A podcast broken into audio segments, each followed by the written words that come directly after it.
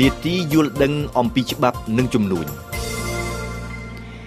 នៅក្នុងនេតិយល់ដឹងពីច្បាប់នៅថ្ងៃនេះសេនីណាសូមធ្វើការពន្យល់អំពីលក្ខខណ្ឌក្នុងការទទួលបានសញ្ជាតិខ្មែរជំរាបសួរឌីណាជំរាបសួរបែនណាតើក្នុងលក្ខខណ្ឌណាខ្លះដែលបុគ្គលណាម្នាក់អាចទទួលបានសញ្ជាតិខ្មែរមកតាមច្បាប់ស្តីពីសញ្ជាតិឆ្នាំ1996ការទទួលបានសញ្ជាតិខ្មែរគឺអាចកើតឡើងនៅក្នុងករណី3ធំធំ ទី1ការទទួលសញ្ជាតិខ្មែរពីកំណើតទី2ការទទួលសញ្ជាតិខ្មែរតាមរយៈអាពាហ៍ពិពាហ៍ហើយនិងទី3ការទទួលសញ្ជាតិខ្មែរតាមរយៈការសុំចូលសញ្ជាតិដែលនៅក្នុងភាសាច្បាប់គេហៅថាសញ្ជាតិទោបនីយកម្ម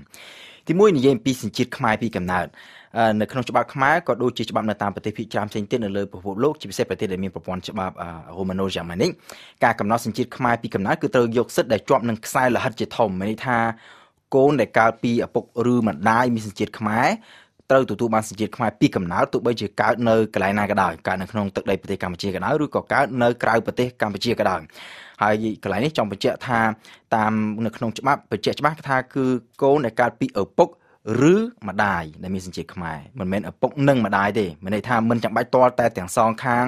ទាំងឪពុកហើយទាំងម្ដាយមានសញ្ជាតិខ្មែរទើបគោលមានសិទ្ធិទទួលសញ្ជាតិខ្មែរពីកំណើតទេឲ្យតែមានមួយខាងណាមួយមានសញ្ជាតិខ្មែរ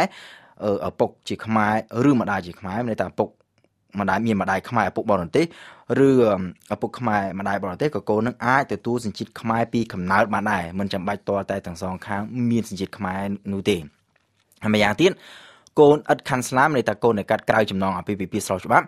ដែលម្ដាយឬឪពុកមានសញ្ជាតិខ្មែរក៏អាចទទួលបានសញ្ជាតិខ្មែរពីកំណើតបានដែរឲ្យតែឪពុកឬម្ដាយដែលមានសញ្ជាតិខ្មែរនឹងទទួលស្គាល់ទទួលស្គាល់កូននឹងតាមផ្លូវច្បាប់ថាកូននឹងគឺជាកូនរបស់ខ្លួនឧទាហរណ៍ថាកូនកើតក្រៅចំណងអាពាហ៍ពិពាហ៍ពីម្ដាយជាជនបរទេសហើយឪពុកមានសញ្ជាតិខ្មែរបើសិនជាឪពុកដែលមានសញ្ជាតិខ្មែរនឹងក៏ទទួលស្គាល់តាមផ្លូវច្បាប់ថាកូននឹងគឺជាកូនរបស់គាត់អញ្ចឹងកូននឹងត្រូវមានសិទ្ធិទទួលបានសញ្ជាតិខ្មែរពីកំណើត ផ្ទុយទៅវិញបើសិនជាមានតែម្ដាយដែលទទួលស្គាល់កូនចំណែកឪពុកមិនទទួលស្គាល់កូននឹងមិនអាចទទួលបានសញ្ជាតិខ្មែរពីកំណើតបានទេពីព្រោះថាម្ដាយដែលជាអ្នកទទួលស្គាល់នឹងគាត់មិនមែនជាអ្នកដែលមានសញ្ជាតិខ្មែរឪពុកដែលមានសញ្ជាតិខ្មែរនោះគាត់មិនទទួលស្គាល់ក្នុងករណីកូនដែលឪពុកម្ដាយមិនទទួលស្គាល់ក៏ប៉ុន្តែតឡាការដែលជាអ្នកចេញសារក្រមកំណត់ថាកូននឹងគឺពិតជាបានកើតពីឪពុកឬក៏ពីម្ដាយដែលមានសញ្ជាតិខ្មែរកូននឹងក៏នៅតែត្រូវទទួលបានសញ្ជាតិខ្មែរពីកំណើតដដែល និយាយពីកូនបរទេសដែលកើតនៅលើទឹកដីកម្ពុជាវិញច្បាប់ខ្មែរមិនដូចជាច្បាប់នៅប្រទេសមួយចំនួនឧទាហរណ៍ដូចជានៅអាមេរិកកាណាដាឬក៏អូស្ត្រាលីទេកូនដែលកើតនៅលើទឹកដីខ្មែរក៏ប៉ុន្តែមានឪពុកហើយនឹងម្ដាយទាំងពីរនាក់ទាំងឪពុកនិងទាំងម្ដាយជាជនបរទេសកូននឹងមិនអាចទទួលសញ្ជាតិខ្មែរពីកំណើតបានទេលើកលែងតែឪពុកនិងម្ដាយដែលជាជនជាជនបរទេសនោះគាត់កើតខ្លួនឯងហ្នឹងគាត់កើតនៅក្នុងប្រទេស កម្ពុជាដែរហើយរស់ស្របច្បាប់នៅក្នុងប្រទេសកម្ពុជាទៅកូនរបស់គាត់អាចទទួលសញ្ជាតិខ្មែរពីកំណើតបាន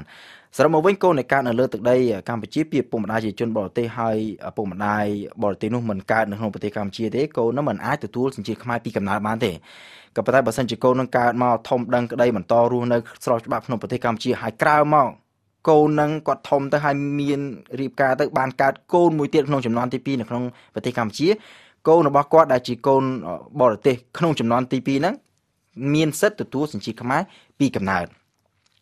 ករណីទី2គឺការទទួលសញ្ជាតិខ្មែរតាមអាពាហ៍ពិពាហ៍ក្នុងច្បាប់គឺមានកំណត់ថាស្ត្រីឬបរិះបរទេសដែលយកប្តីឬប្រពន្ធខ្មែរដែលបានរៀបអាពាហ៍ពិពាហ៍ត្រឹមត្រូវតាមផ្លូវច្បាប់គាត់អាចទាមទារសញ្ជាតិខ្មែរបាន គឺតើតែប្តីប្រពន្ធទាំងពីរហ្នឹងរស់នៅជាមួយគ្នារយៈពេលយ៉ាងតិច 3ឆ្នាំក្រោយពេលចុះសម្បត្តិអាពាហ៍ពិពាហ៍ហើយការផ្ដល់សញ្ជាតិខ្មែរដល់ជនបរទេសដែលរៀបការជាមួយជនជាតិខ្មែរគឺត្រូវសម្រេចដោយព្រះរាជក្រឹត្យករណីទី3គឺការ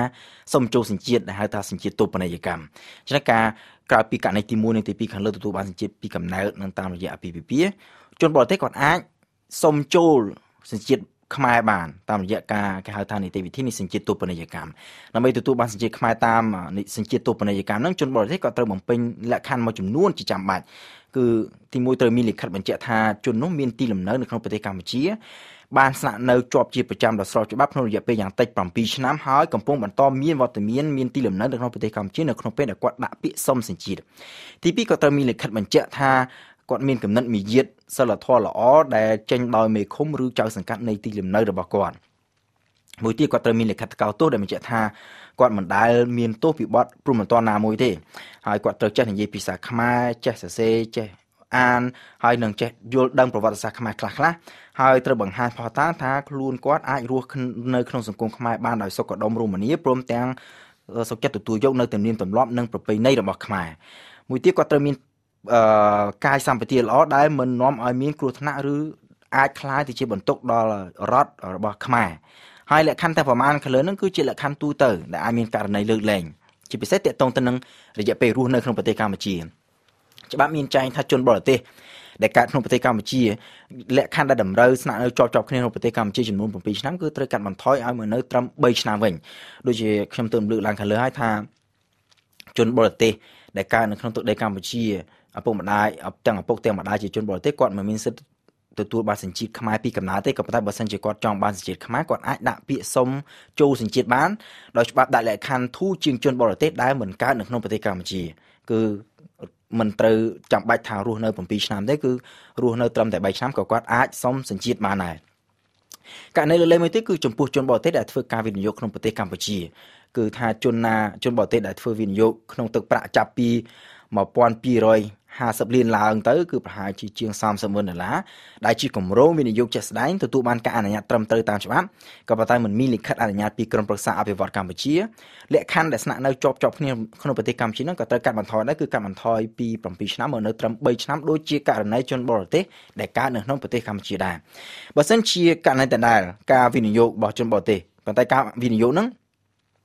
ធ្វើឡើងក្នុងទំហំទឹកប្រាក់ដូចគ្នាក៏ប៉ុន្តែមានលិខិតអនុញ្ញាតពីក្រមប្រឹក្សាអភិវឌ្ឍកម្ពុជានៅក្នុងករណីហ្នឹង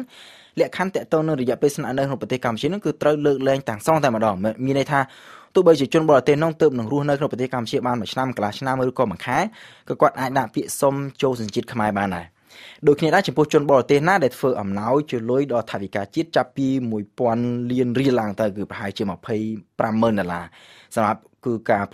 ផ្ដល់អំណោយជាលើជាដល់ថវិកាជាតិនឹងសម្រាប់ជាផលប្រយោជន៍ដល់ការស្ដារនិងកសាងសេដ្ឋកិច្ចរបស់កម្ពុជាឬក៏